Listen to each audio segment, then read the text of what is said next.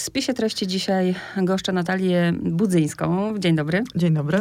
A spotykamy się w związku z książką Ja nie mam duszy. Sprawa Barbary Ubryk, uwięzionej zakonnicy, której historią żyła cała Polska. No i teraz tak, z jednej strony, y, jak się czyta tę książkę, to faktycznie historią żyła nie tylko cała Polska, a cały świat nawet. A z drugiej są takie osoby jak ja, które y, i wiele też innych osób, które pytałam, czy wiedzą, kim jest Barbara Ubryk, które kompletnie nic nie wiedzą, kim jest Barbara Ubryk. Historia szokująca, bo opowiem sloganami i mitami. Zakonnica, więziona, niektórzy twierdzą zamordowana i w ogóle co się w tych klasztorach dzieje. A pani ustami Barbara Ubryk to kto? Chora psychicznie kobieta, cierpiąca, zakonnica. Krótko. Tak. Niedawno miałam, tutaj gościłam Agatę Puścikowską w związku z książką Mhm. Wojenne Siostry. I nawet się ucieszyłam, że po tak krótkim czasie pojawia się jakby druga perspektywa, prawda? Bo tutaj y, o zakonach i o siostrach zakonnych w jak najlepszej w superlatywach tylko. A tu będziemy mówić o karmelitankach bosych z Wesołej w Krakowie, u których wcale wesoło nie było. Chociaż ja od razu powiem, że po przeczytaniu pani książki, bo do tej pory jak czytałam tylko właśnie te wszystkie takie newsowe rzeczy, prawda, Mhm. skandaliczne, to mogłam kręcić głową, ale po przeczytaniu pani książki zaczęłam nawet trochę te siostry rozumieć. Zacznijmy od, od tego, od czego zaczyna się ta pani książka, czyli od 1869 roku. Tak, wtedy sprawa Barbary Ubryk wyszła na jaw. Można powiedzieć, że wtedy usłyszał o niej cały Kraków, e, a później kolejne miasta. No i później, tak jak pani mówiła, całego świata rzeczywiście, bo sprawa doszła aż za ocean, te, te informacje e, o, o skandalu e, w kościele w Krakowie, tak to było nazywane wtedy. Okazało się, że karmelitanki bosy na Wesołej w Krakowie przetrzymują, takie były doniesienia, wbrew e, woli z jedną ze współsióstr, chorą, jak to się wówczas mówiło, y, na obłąkanie. Żeby tej pikanterii jeszcze dodać, ona była więziona, tak, to, tak mówiono, w zamurowanej celi, y, bez dostępu światła i bez jakiejkolwiek pielęgnacji i w takiej kompletnej, totalnej izolacji od lat ponad 20. I to na wyobraźnię działa, nie? Bo jak sobie tak pomyślimy, Tak. ponad 20 lat w takiej celi, ten widok, który pani opisuje, no rzeczywiście robi wrażenie, bo, za, bo to chyba było na podstawie anonimu, prawda? E, Tak, informacja doszła, e, to był anonim, który został wysłany e, do Sądu Krajowego w Krakowie.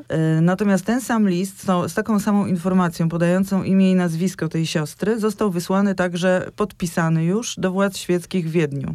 Przypomnijmy, że, że, że Mhm. były to czasy rozbiorów. Także władze świeckie były odpowiedzialne za, za całość, za ca- by, były w Wiedniu, tak? To za, za całe cesarstwo. No i, i, i co ciekawe, sprawa natychmiast ruszyła, na, nabrała takiego biegu prawnego. To było dość zaskakujące, ponieważ jak się orientowałam w historii Krakowa ówczesnej, cała ta palestra krakowska, czyli sędziowie i tak sędziowie, prokuratorzy, adwokaci szczególnie, oni wszyscy byli bardzo zaangażowani w ogóle w życie Krakowa.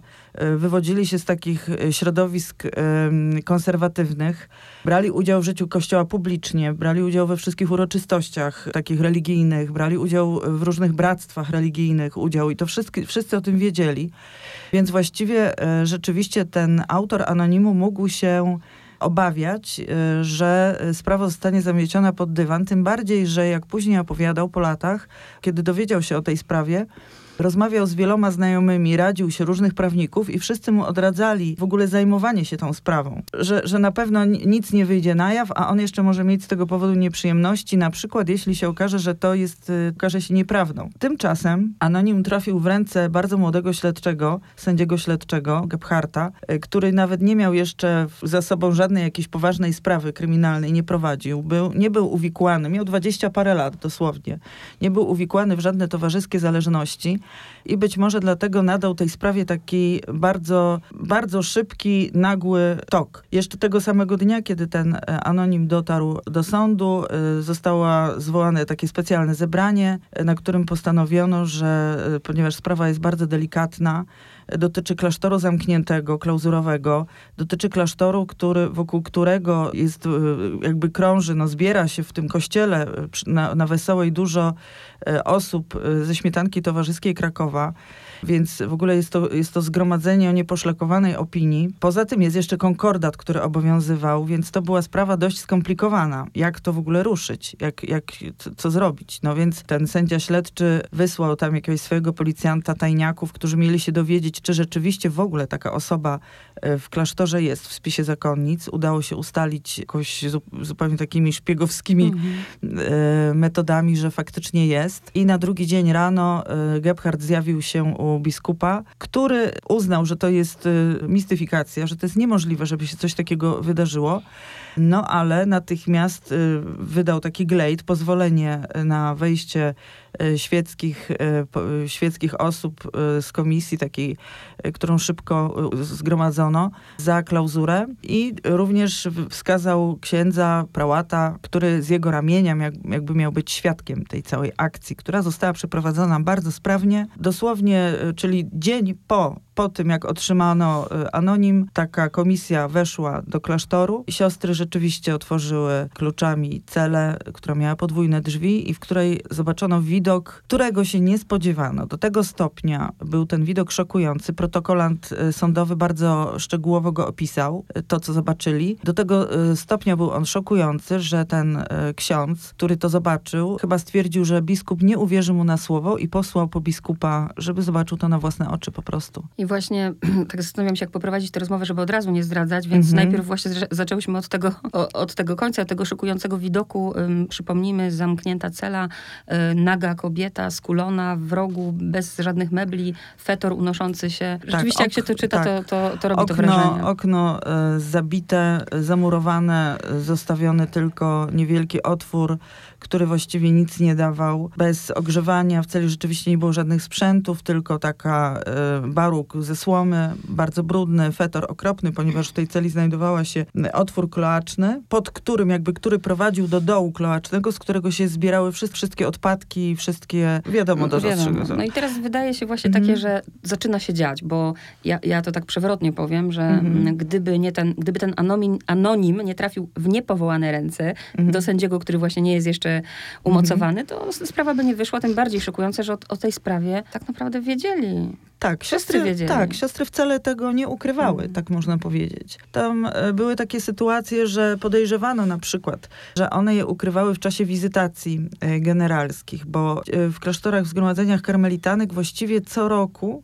według reguły powinien wizytować taki klasztor żeński e, jakiś przełożony generał, czy jakiś jego wysłannik. E, natomiast w tym przypadku, w tamtych czasach takich wizytacji w ciągu tych 20 lat, kiedy Barbara Ubryk, siostra Barbara Ubryk e, była już chora i kiedy była już odizolowana w tej celi, takich wizytacji były trzy trzy lub cztery najwyżej, generałowie przełożeni wiedzieli, że siostry zmagają się z trudną chorobą jednej z zakonnic i mieli tylko dla nich dobre słowo że no, należy je pielęgnować. Tak zresztą, e, tak zresztą jest to ujęte też e, w regułach. Święta Teresa z Avila polecała karmelitankom pielęgnację chorych z należytą uwagą i jakby ze specjalną uwagą. Natomiast choroba Barbary Ubryk była inna. To nie była e, choroba e, taka typowa. No to w Krakowie i powiedzmy to, Krakowie, który jest nie wiem, czy to dobrze nazwę, no bardzo miastem, bardzo katolickim, chyba najbardziej katolickim tak, tak, miastem w całej Polsce. Tak, o Krakowie mówiono, mówiono wtedy Mały Rzym, mówiono o, niej, o nim nawet Warownia Krzyża, to takie było taka nazwa ustalona później przez taki obóz klerykalny, obóz konserwatywny właśnie e, po, e, po tym, jak ta sprawa Barbary Ubryk wyszła e, na jaw. Tak, i to było rzeczywiście nie do pomyślenia. Tymczasem wiedziały siostry, wiedzieli przełożeni, wiedzieli pracownicy świeccy, wszyscy. E, niektórzy próbowali coś z tym zrobić. E, rozmawiano o tym przez te wszystkie lata trochę się do tej sytuacji chyba przyzwyczajono mm -hmm. po mhm. prostu. I też zaczęły się dziać rzeczy, które chyba nawet dzisiaj są nie do pomyślenia, nawet dzisiaj w Krakowie, w XXI jeszcze wieku. Mm -hmm. e, mianowicie, kiedy ludzie wyszli na ulicę i obrzucano kamieniami, tak? tak? takich e. manifestacji antyklerykalnych, jakie ta cała sytuacja, ten skandal wywołał, nie było, myślę, w Polsce do dzisiaj. Oczywiście pierwsze, takie dwie, dwie noce, przez dwie noce, dwa dni, jeszcze nawet zanim gazety zaczęły o tym pisać, myślę, że gazety To też jest ciekawy wątek, że y, dwie gazety, Kraj, Liberalna Gazeta Krakowska i Czas Konserwatywna, przez pierwsze dwa dni, trzy w ogóle nie wspomniały o tej sprawie, a przecież y, miały swoich informatorów, bo prowadziły rubryki takie, kroniki śledcze. Mm. E, także to też pokazuje, jak bano się trochę tykać tą sprawę. Mhm. I dopiero, dopiero zaczęto bardzo uważnie się tej sprawie przyglądać, opisywać ją e, w codziennej prasie, rzeczywiście codziennie, po tych wydarzeniach, tych manifestacji, które przybrały taki obrót no, dość agresywny nawet, mhm. bo to kilka tysięcy osób, które gromadziły się pod klasztorem karmelitanek, wybijając szyby, usiłując się w, dostać do środka, za kraty. Później to wszystko się już wymknęło kompletnie spod kontroli. Ten, ten tłum chodził od klasztoru do klasztoru po całym mieście. Dosłownie wybijając szyby, dochodziło do rękoczynów. Na jezuit, jezuitów pobito na przykład. Mm. Nie zważając nawet na wiek przełożonego. To był starszy człowiek już, który odniósł rany, wybijając, wrzucając duże kamienie e, przez okna do, do pomieszczeń klasztornych, zakonnic szczególnie. Więc że wojsko oczywiście austriackie patrzyło na to, nie reagując za bardzo. E, to też jest następny kolejny wątek, e, jak, w jaki sposób wykorzystał to ówczesny rząd austriacki, który e, przeżywał taki moment, ta katolicka Austria, akurat wtedy, zresztą jak także inne kraje Europy, były nastawione bardzo liberalnie, antymonastycznie, antypapiesko, więc taki minister spraw zagranicznych Austrii na, już na drugi dzień, nie czekając na jakiekolwiek ustalenia policji, e, natychmiast zabrał karmelitankom subwencję, bardzo niewielką zresztą, jaką miały, no, z czego mogły -hmm. żyć, w ogóle się utrzymywać. Takie antymonastyczne trendy były bardzo antyklerykalne, bardzo silne w, w związku z tą, mm -hmm. jakby one, ta sprawa posłużyła im do, tak. jako narzędzie. Po prostu Barbara Ubryk, sprawa tej kobiety cierpiącej właściwie stała się takim narzędziem do do walki. Y, Mówiąc tak. kolokwialnie, każdy chciał na tym ugrać swoje, dokładnie, nie? Na dokładnie, takiej zasadzie. Tak. W wielkim skrócie jeszcze tylko dodam słuchaczom, że oczywiście była sprawa y, umorzona, siostry nie zostały... No, nie zostały oskarżone. Nie zostały oskarżone, mhm. ale i teraz zaczyna się to, co jest najciekawsze, bo kiedy ja przeczytałam tak jak mówię, najpierw takie, takie newsowe hasła i mm, kiedy zaczęłam czytać pani książkę, no to od razu jakby szukałam w tej książce prawdy i jaka ta prawda jest. ja tej prawdy nie dostałam. I teraz, bo do tego też dojdziemy, po co pani mm -hmm. napisała tę książkę, mm -hmm. bo mhm. chyba nie, nie można dostać prawdy. Mi się wydaje, że to już jest zbyt odległy czas i zbyt dużo tajemnic w tym wszystkim. Ale ta książka y, pozwoliła mi zrozumieć, y, bo tutaj naprawdę trzeba teraz wrócić do początku, do tego, w jakich czasach my się w ogóle znajdujemy. I, i teraz właśnie powiedzmy, przedstawmy tę historię Barbara, tak naprawdę Ani, która mhm. rodzi się w 1814, jak dobrze tak? pamiętam. Młodej dziewczyny, która trafia do zakonu i na początku... Wszystko okej. Okay. Tak, to była młoda dziewczyna, którą e, straciła wcze wcześniej. Rodziców straciła będąc taką w młodym wieku nastolatki. Miała e, oprócz tego dwie starsze siostry i jedną młodszą. Pochodziła z Węgrowa i marzyła o klasztorze, co wybijało jej z głowy siostry. E, lubiła czytać. W związku z tym siostry, te starsze siostry, które decydowały o jej przyszłości, oddały ją do szkoły wizytek w Warszawie. E, ona tam się uczyła przez dwa lata. E, wstąpiła do nowicjatu, do wizytek, miała obłóczyny e, i tam zachorowała. To znaczy tam, tam wtedy w tym, w tym czasie, kiedy była w nowicjacie u tych wizytek, miała pierwsze takie objawy. manifestacje, tak, mhm. tak, objawy psychotyczne które polegały na wzmożonych skrupułach, że jest niegodna, że jest grzesznicą, że powinna w ogóle znaleźć się w jakimś czyśćcu, że... No a później doszły różne takie objawy omamy, halucynacje i tak dalej. I siostry w związku z tym no, nie, nie mogła być taka osoba takiej rozchwianej osobowości emocjonalnie e, w klasztorze. E, I one oddały ją pod opiekę jakiejś krewnej czy innej tam osoby w Warszawie i tam rzeczywiście jej to wszystkie objawy mhm. przeszły. Zajmował się też prawdopodobnie nią lekarz i y, dziewczyna się uspokoiła. No ale nie opuściły ją te marzenia cały czas o życiu y, w klasztorze. Mimo, że siostry, tym bardziej jej siostry rodzone, odradzały jej to. Dostała y, takie polecenie też od wizytek, które ją nie mogły przyjąć powtórnie, bo takich rzeczy się po prostu nie robi, ze wskazaniem na karmelitanki, ponieważ Ani Ubryk bardzo zależało na klasztorze, na zgromadzeniu takim bardzo bardzo za, zamkniętym, kontemplacyjnym. I ona przyjechała do, do Krakowa, karmelitanki ją przyjęły. Niestety ja nie mogłam wejść do archiwum na Wesołej i stąd nie wiem na przykład na czym polegało to polecenie e, wizytek. E, Nie znam e, tej księgi Nie profesji. wiemy, czy one przyjmując Nie ją miały informacje o, o tym. One nie miały tej Mhm. To wiem z późniejszych listów do krewnych Mhm. Barbary. E, Nie wiedziały o tym, e, choć właśnie lekarze mówili im, że, że coś się musiało już wcześniej wydarzać. To był ten okres jej choroby e, warszawskiej, był taki dość krótki, więc ona mogła też uważać, że to był, i czy, czy jej znajomi, czy te wizytki, że to było jakieś, e, jakieś załamanie nerwowe, które po prostu przeszło. Natomiast to już był pierwszy taki etap psychozy. Przyjęły ją, bardzo ją lubiły. Ja wiem, te, że te, te wszystkie rzeczy, jak, jakim ona była stanie, jak wyglądał jej nowicjat, to wszystko wiem z akt sprawy karnej, ponieważ wszystkie siostry karmelitanki były przesłuchiwane i te w aktach sprawy zachowały się wszystkie protokoły z przesłuchań, wszystkich w ogóle ludzi, których e, sędzia śledczy przesłuchiwał. Więc także karmelitanki bardzo te zeznania są w ogóle spójne, więc można uznać, że są prawdziwe. Te, które ją pamiętały z okresu nowicjatu, opowiadały, że była bardzo uczynną, bardzo lubianą kobietą. No i później e, niestety po siedmiu latach ta Mhm. choroba wróciła. Ze zdwojoną siłą. Ze zdwojoną powiedzieć. siłą, Mhm. tak. Te psychozy zaczęły przybierać takie początkowo też, też takie formy skrupułów religijnych. Ona się ponoć spowiadała po kilkanaście godzin. Potem i tak nie chciała, czuła się niegodna, żeby przyjąć komunię świętą.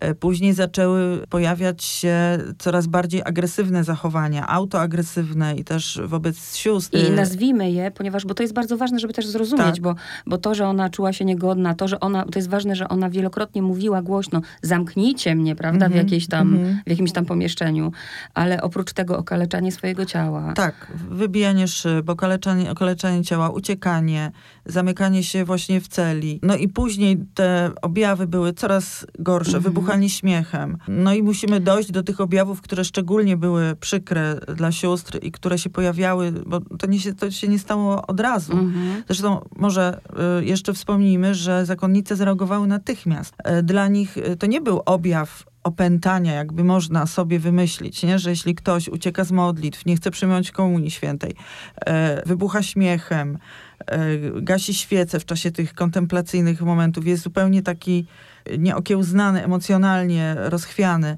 e, to można uznać, że one od razu zaczęły wołać jakiś księżyk, żeby się, nie wiem, Tak. jakieś egzorcyzmy odprawić. Nie, w ogóle nie było mowy, one od razu zawołały lekarza. tak.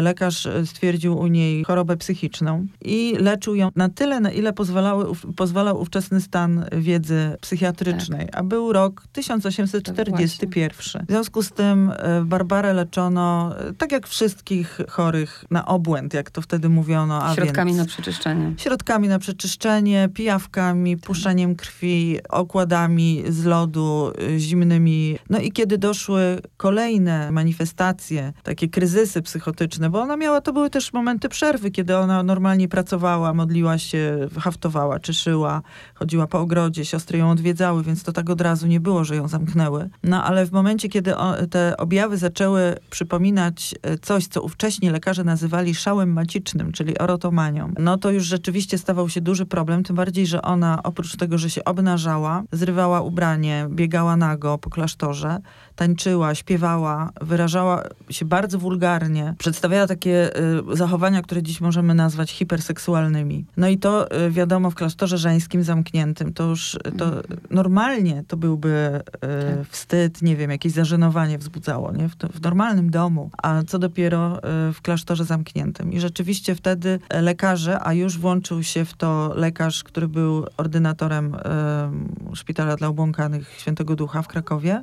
Y, I wtedy lekarze y, stwierdzili, że to jest już y, stan nieuleczalny i najlepiej będzie odizolować ją, ponieważ może sobie zrobić krzywdę. Mhm. Może na przykład skoczyć przez okno. Dlatego zamknięto ją w celi, Tak. która się nazywała Carceres. Jedyna cela, która miała y, kraty w oknach. No i ona początkowo po prostu była tam zamknięta, ale siostry nadal ją odwiedzały. Ten cały rozwój tej, tej choroby, tych kryzysów y, psychotycznych, jak Mhm. dzisiaj, dzisiejsza psychiatria nazywa takie stany, e, no on trwał. Trudno sobie to wyobrazić dzisiaj, kiedy, środ- kiedy ch- chory właściwie do tego, do takiego etapu nie dociera, ponieważ natychmiast ma, ma podane leki, czy jakieś neuroleptyki i właściwie nie znamy takich stanów. Trudno nam sobie wyobrazić nawet takie stany chroniczne, jak, jakie wtedy przedstawiali chorzy. Trzeba też wspomnieć, że nawet jeśli ona byłaby w szpitalu, y, stosowano by wobec niej te same metody. Tak samo zamknięto by ją y, w izolacji, oczywiście pod jakąś kontrolą może pielęgniarzy. Tak samo by stosowano y, kaftany, ponieważ ten, ten lekarz mhm. też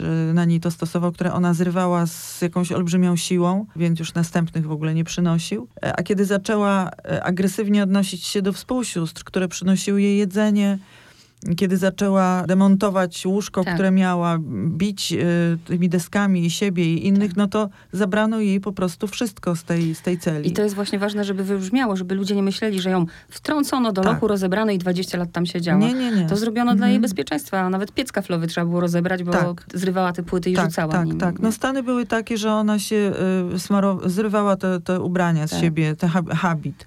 Siostry nie miały habitów y, tak. na zawołanie. Tam to był biedny biedny, biedny zakon, który, nie wiem, jeden habit się dostawało na mhm. wiele lat. Oczywiście to, to jest kwestia teraz tego, co, co się działo później, bo, bo rzeczywiście ta sprawa, jak mówię, nie była taka jednoznaczna. Mhm. Zamurowano okno na polecenie lekarzy, ponieważ ona naga y, stawała na tak. tych kratach, wołała y, wulgarne różne propozycje y, parobkom, mhm. którzy pracowali w ogrodach klasztornych, więc to okno zamurowywano coraz wyżej, ponieważ e, z kolei rozebrano piec, którymi kaflami też ona tam rozbierała ten piec, a była zima, więc to okno zamurowano wyżej, żeby nie było zima, żeby nie było jej zimno i tak jej było zimno. Podawano jej najpierw tą, tą, tą słomę, poda- zmieniano jej, ona się y, smarowała odchodami tak. swoimi, wchodziła w ten otwór kloaczny, w, kiedy miała właśnie takie w, w stanach takich kryzysów. No i docieramy do momentu, który trwał co najmniej najmniej 7 lat, co najmniej, kiedy przestano w ogóle do niej przychodzić, przestano się w ogóle nią interesować. E, siostry nie wchodziły już podając jej jakiekolwiek jedzenie do, do celi, ponieważ się bały. Jedzenie było jej podawane przez drzwi, przez szparę w drzwiach. I to też od razu podkreślmy, że nie, że nie była głodzona, bo są mm. dokumenty, nawet tam wypowiadał się parobek, tak. prawda, że pod oknem leżały wyrzucone... Tak, tak. Ona dostawała prawdopodobnie to samo, co siostry. I trzeba też wiedzieć to, że karmelitanki y, jadały bardzo skromnie. U nich post trwał nie kilka, 40 dni, ale ponad y, pół roku.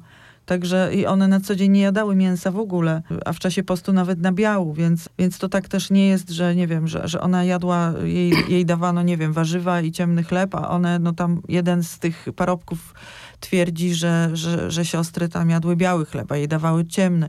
Ale to jest kwestia tego, że nikt nie był w stanie przymusić jej do jedzenia.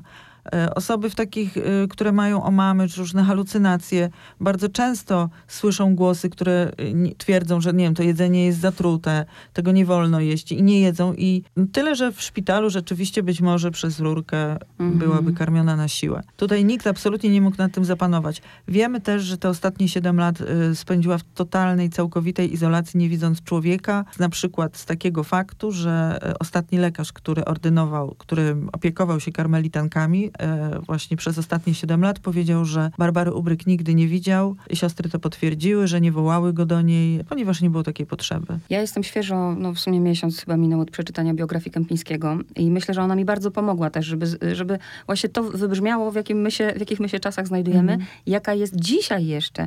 Jeszcze dzisiaj, w XXI wieku y, są takie szpitale, w których stosuje się naprawdę straszne metody, jeśli chodzi o psychiatrię. A wtedy psychiatria, no to w ogóle jej nie było, krótko mówiąc. Tak, to tak były naprawdę. początki nauki w ogóle psychiatrii, w ogóle, to mówię o czasach, kiedy ją odnaleziono, a nie wtedy, tak. kiedy ją leczono, czyli nie 840, tylko 1869 na przykład, nie? Wtedy, kiedy cokolwiek można było zrobić. Nawet wtedy e, lekarz e, e, sądowy, Blumenstock się nazywał, który się nią zajmował po odkryciu tej całej sprawy i przewiezieniu jej do szpitala dla obłąkanych, nawet on w takim sprawozdaniu dla sądu i innych lekarzy też, bo wydał później własnym sumptem takie sprawozdanie tej sprawy jako przykład, e, co się dzieje. Nawet on pisał, że przecież e, dlaczego my się w ogóle tak dziwimy? Przecież dopiero co w Wiedniu, wielkiej klinice wiedeńskiej właśnie zlikwidowano taki szpital, mm. w którym chorzy przetrzymywani byli dokładnie w takich samych, jak nie gorszych warunkach i był to szpital publiczny. Chorzy byli jeszcze nadal wtedy jakby za kratami trzymani. Nie? Ten kontekst właśnie jest bardzo potrzebny, żeby mm. no, łatwo nie wydawać wydawać też wyroków, ale jedna rzecz, która mnie w tej książce tak poruszyła dosyć mocno, gdzie nie jest mowa o człowieku, ale o istocie. Kto to powiedział? E, spowiednik. No właśnie. Karmelita Boscy spowiednik, tak, on się wyrażał, że gdyby on tą istotę widział, to on by zareagował. No, wszyscy się bronili w jakiś sposób w tej całej sprawie. Karmelici dos, doskonale wiedzieli, którzy się opiekowali e, tym klasztorem, właśnie kar, karmelita jeden czy drugi, trzech tych, czy czterech nawet było spowiedników w czasie choroby e, Barbary, czy przełożeni z Czernej. Oni doskonale wiedzieli, co się dzieje, na co jest chora Barbara i gdzie jest przetrzymywana, ale tak jakby nikt nie miał ochoty się tym zajmować. Mm. Tam był taki, taki, w pewnym momencie się zrobił taki status quo. Tak. Nie, nie rozmawiamy o tym, nie poruszamy tematu, który e, jest trochę niebezpieczny, w którym nie wiadomo co zrobić, w którym trzeba byłoby może coś zrobić, ale, ale przecież, co. ale nie wiadomo no. co, bo każdy poza tym ma swoje sprawy na głowie, więc po co tak kolejny problem. Ciekawe też, że przełożone kolejne, one się tam co kilka lat zmieniały. Na zmiany były dwie, trzy i ona każde te przesłuchiwane ówczesna przełożona i ta poprzednia, e, one wszystkie się broniły w ten sposób. One w ogóle nie wiedziały e, o co chodzi. One nie widziały żadnego problemu. A jedyną ich obroną było to, że one mówiły, no ale ja myślałam, że ta moja poprzedniczka zgłosiła, powiedziała, zrobiła wszystko, co jest możliwe. Mhm, że, że, no, wszystko... No, że, że wszystko jest okej, okay, że, że, że ja, no dokładnie, zwalały jedna na drugą, że one myślały, że jest wszystko załatwione, to kazali lekarze, to jest na, na to, to tak, tak powiedzieli lekarze, że ona tak ma, w takich warunkach możemy ją tylko przetrzymywać i tak dalej. Wiedzieli o tym nasi przełożeni w Rzymie i nie pozwolili nam jej przenieść do szpitala. Ponieważ e, oczywiście taka rada, żeby ją przenieść do szpitala od razu wyszła ze strony lekarzy, którzy się opiekowali karmelitankami. One od razu mówiły, że to jest niemożliwe, ponieważ e, nie wiem, czy Państwo wiedzą, że e, to jest zakon, w no którym jak się już wejdzie za kraty, to się już i nie wychodzi. I to są reguły, to są właśnie... Tak, to są tak. reguły, y, które kandydatki znają i one się na, godzą na taką, y, na, na odcięcie od świata, życie w tej niewielkiej wspólnocie y, współsióstr. One doskonale to, jakby one, nikt im nie każe tego robić, nie? To jest też ciekawe, że, że potem takie powstają legendy, że ona była przetrzymywana, że ona nie chciała, przecież chciała wyjść, a już nie mogła i to była w ogóle kara i tak dalej, i tak dalej. Reguły w ogóle ogóle są, jak się czyta reguły sprzed wieków ustalone, one są, one są ustalone z bardzo dobrym znawstwem psychiki człowieka. I tylko y, potem jest pytanie, jak się je realizuje. Nie? No, każdy jest mówię, człowiekiem, każdy jest słaby, jeden bardziej, drugi mniej. W każdym razie w regułach tak czy, czy, czy siak na zwolnienie z klauzury y, musiał dać pozwolenie. I siostry mówiły, że one tego pozwolenia nie dostały. Y, ci generałowie y, nakazywali im y, opiekować się tą kobietą, same miały ją pielęgnować. Tylko jest kwestia taka, że ci przełożeni nie zdawali sobie w ogóle sprawy z tego, w jakim stanie znajduje się ta chora i jak rzeczywiście, jak, jakie, jakie utrudzenie w takim codziennym życiu y, dla, dla reszty sióstr, dla całego mm. zgromadzenia jest jej, jakim utrudzeniem jest jej choroba. Natomiast siostry jakby wcale nie zależało im na tym, żeby tą prawdę o Barbarze im pokazać.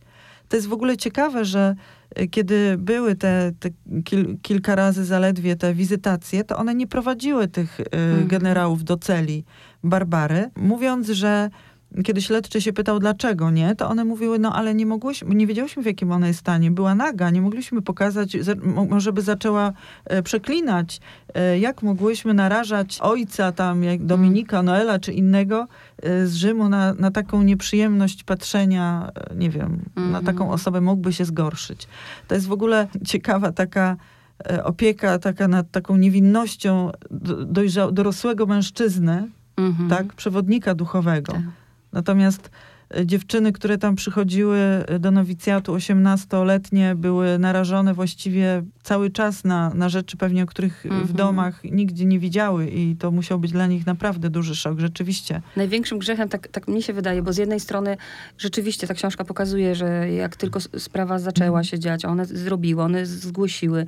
I później ta taka właśnie, ta znieczulica, ta znieczulica tak, jest chyba tym tak, największym ich tak, grzechem, prawda? Tak. To, to, że się po prostu przyzwyczaiły. przyzwyczaiły My o tym czytamy, ale to trzeba wziąć pod uwagę dzień za dniem, nie? Mhm. sytuację za sytuacją, rok za rokiem, że to się działo. Mnie też zainteresowało to, bo tam pani dokładnie na przykład opisuje, jak wygląda to życie w klasztorze. Czy pani była u karmelitanek tam za murem, widziała Ależ te cele? skąd? Absolutnie. Karmelitanki y, nie chciały mnie wpuścić nawet do archiwum. No i pytanie dlaczego? No Przecież no ta książka nie jest po to, żeby je oskarżać. Tak Tak, E, usiłowałam je wytłumaczyć, przedstawić sposób, w jaki chcę y, dotrzeć do prawdy, że właśnie nie zależy mi na snuciu kolejnych sensacyjnych opowiastek, No czy, czy jakieś robienia skandali, nie wiadomo czego sprzed lat. E, Szczerze mówiąc, w ogóle mi nie przyszło do głowy, że one nie będą chciały ze mną współpracować w ogóle, bo ja mam dobre wspomnienia, mam dobre wspomnienia z e, współpracy z archiwistkami różnych zgromadzeń. Szczególnie pozdrawiam siostry Albertynki, kochane i wspaniałe osoby. E, Natomiast e, bardzo mnie zdziwiła pierwsza odpowiedź, że ona absolutnie przełożona mi napisała, że absolutnie nie widzi możliwości współpracy ze mną. Potem napisałam długiego maila do niej, wyjaśniając kim jestem, jakie mam właśnie Intencje, zamiary, mhm. intencje, jakie są moje. E, Że wyraziłam nadzieję, że może zmieni zdanie. Ona napisała, że może kiedyś, tak? Może kiedyś zmieni.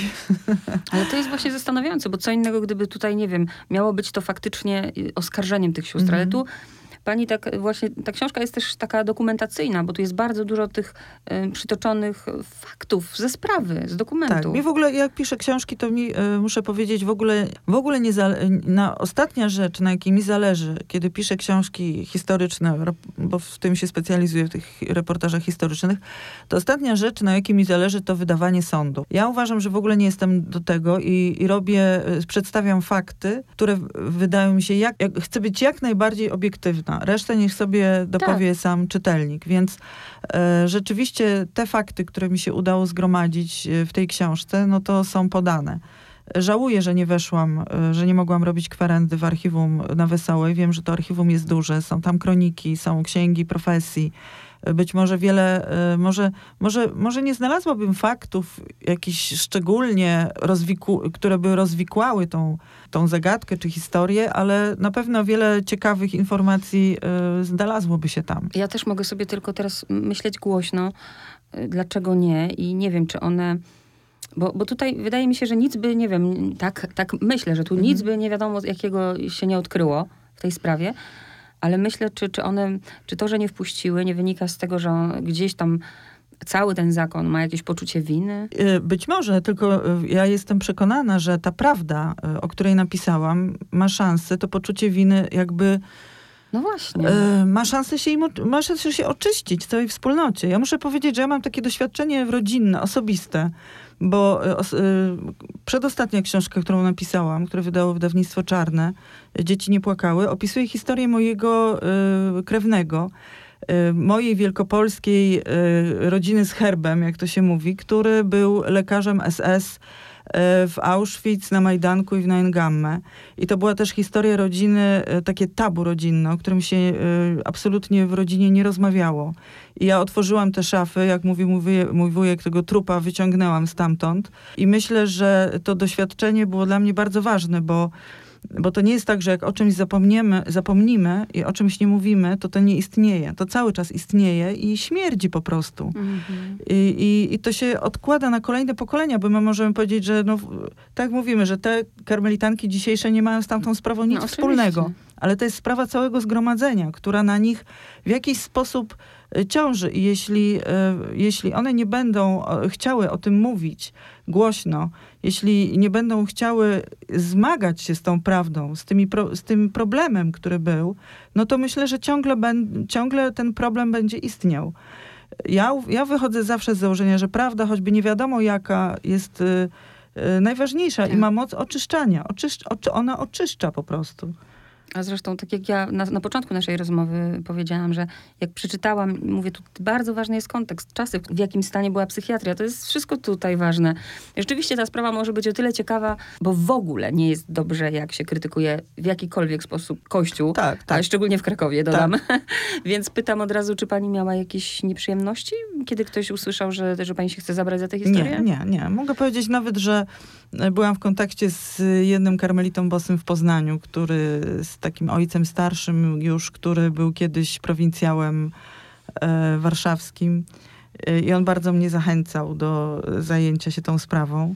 E, też nie rozumiał e, jak stanowiska tu karmelitanek bosych. On mnie jakby wspierał w tym, tej pracy, tak mogę powiedzieć. Tak, ale rzeczywiście to coś mówi o tym, e, o, o kościele dzisiaj, czy oczywiście o takich, nie, mówimy o całym kościele, mhm. tylko o, jednostkach. Ten kościół, to tak umownie, tak, traktujemy. Ja doskonale wiem, że kościołem jestem też ja, bo jestem katoliczką i, i wiele osób innych, ale ale e, mówiąc tak ogólnie już, że Kościół rzeczywiście ma problem z prawdą, mm. to widzimy dzisiaj w czasie tych rzeczy, które wychodzą na jaw i kiedy kolejni biskupi mówią o tym, że Kościół jest atakowany, w związku z tym jest atakowany prawdą ja to nazywam. Sprawa Barbary Ubryk, y, zresztą bardzo dużo, nie wiem, czy też pani miała, odniosła takie wrażenie, bardzo dużo y, reakcji, które wówczas miały miejsce, mm -hmm. jest, y, tak. bardzo się zgadza z tym, co się dzieje tak. dzisiaj, tych różnych obozów. W każdym bądź razie tak sobie pomyślałam, że jeśli Kościół ma problem z tym, co było 150 tak, lat temu, to jak możemy się dziwić temu, że ma problem z prawdą, która dzieje się dzisiaj? I to jest rzeczywiście rzecz, która powinna. Ja bym bardzo chciała, żeby ona się zmieniła. Ja, ja marzyłam o tym, że ja dostanę y, informacje, na przykład y, karmelitanki Bosy na Wesołej dostały tą książkę w formie wydruku, zanim, żeby je uprzedzić mm -hmm. z mhm. grzeczności, że ta książka się ukaże. I ja marzyłam o tym, że ja dostanę E, zwrotną informację, że jakąś typu, no, że tak, że tak było i, i że rzeczywiście, rzeczywiście nasze zgromadzenie ma, ma o czym mówić, ma, ma, ma co dyskutować i ja nie dostałam tak, takiej, tak, takiej, e, takiej odpowiedzi, ale mam nadzieję, że, no, że może, może pojawienie się tej książki sprowokuje pewne dyskusje, rozmowy w ogóle w, w różnych takich zamkniętych środowiskach klauzurowych, bo sądzę, że każda ka każdy zakon ma jakąś tajemnicę. Tak, ja właśnie to samo pomyślałam, że ta sprawa wyszła i wiemy już dzisiaj, kim jest Barbara mm. Ubryk. Podejrzewam, że nie tylko w tym klasztorze była taka sytuacja. Mm. A pani napisała tę książkę po to, żeby, nie wiem, przetrwała pamięć o niej? Tak, ja pomyślałam o Barbarze, osobie cierpiącej, tak mówiłam na początku, która została wykorzystana. Później też jakby jej, jej przypadek był wykorzystany przez te różne frakcje polityczne, światopoglądowe, której właściwie zapomniano bardzo szybko, po dwóch miesiącach, w czasie których ta sprawa była opisywana w prasie bardzo dokładnie. Y, kiedy została sprawa zamknięta, no to wszyscy o Barbarze Ubryk zapomnieli. Już, już nikogo nie interesowała ta kobieta. Ona na początku faktycznie była takim pacjentem lepszym, właśnie wokół mhm. której się dzieją różne takie sprawy światowe, a później siedziała w szpitalu kolejne 20 lat jako jedna z pacjentek, którą się nikt nie interesował, nikt jej nie odwiedzał, a, a o której nadal pisano, o której nazwisko nadal było e, wpisane w tą retorykę antyklerykalną, antymonastyczną z jednej mm. strony, e, z drugiej strony konserwatyści brali w obronę zakonnicę, a nie ją, nazywając karmelitanki męczennicami, a jej się, -hmm. nią się w ogóle nie interesując. I tak, chciałam przywrócić Barbarze jej, jej godność. Ja myślę, że ta książka to w ogóle jest pole mm, do dyskusji na, na, na wiele na tematów, wie, temat, naprawdę tak. na wiele, nie? Nie tylko o kościele, nie tylko o, ale też i o chorobie psychicznym, ale przede wszystkim ja dla siebie wyciągam taki wniosek, który mi idealnie pasuje, że tyle o sobie wiemy, na ile nas sprawdzono tak naprawdę, że jak łatwo przestać być uważnym na drugiego człowieka też. Tak. Człowieka, nie istoty. -hmm. nie? Natalia Budzyńska, dziękuję bardzo. Dziękuję bardzo.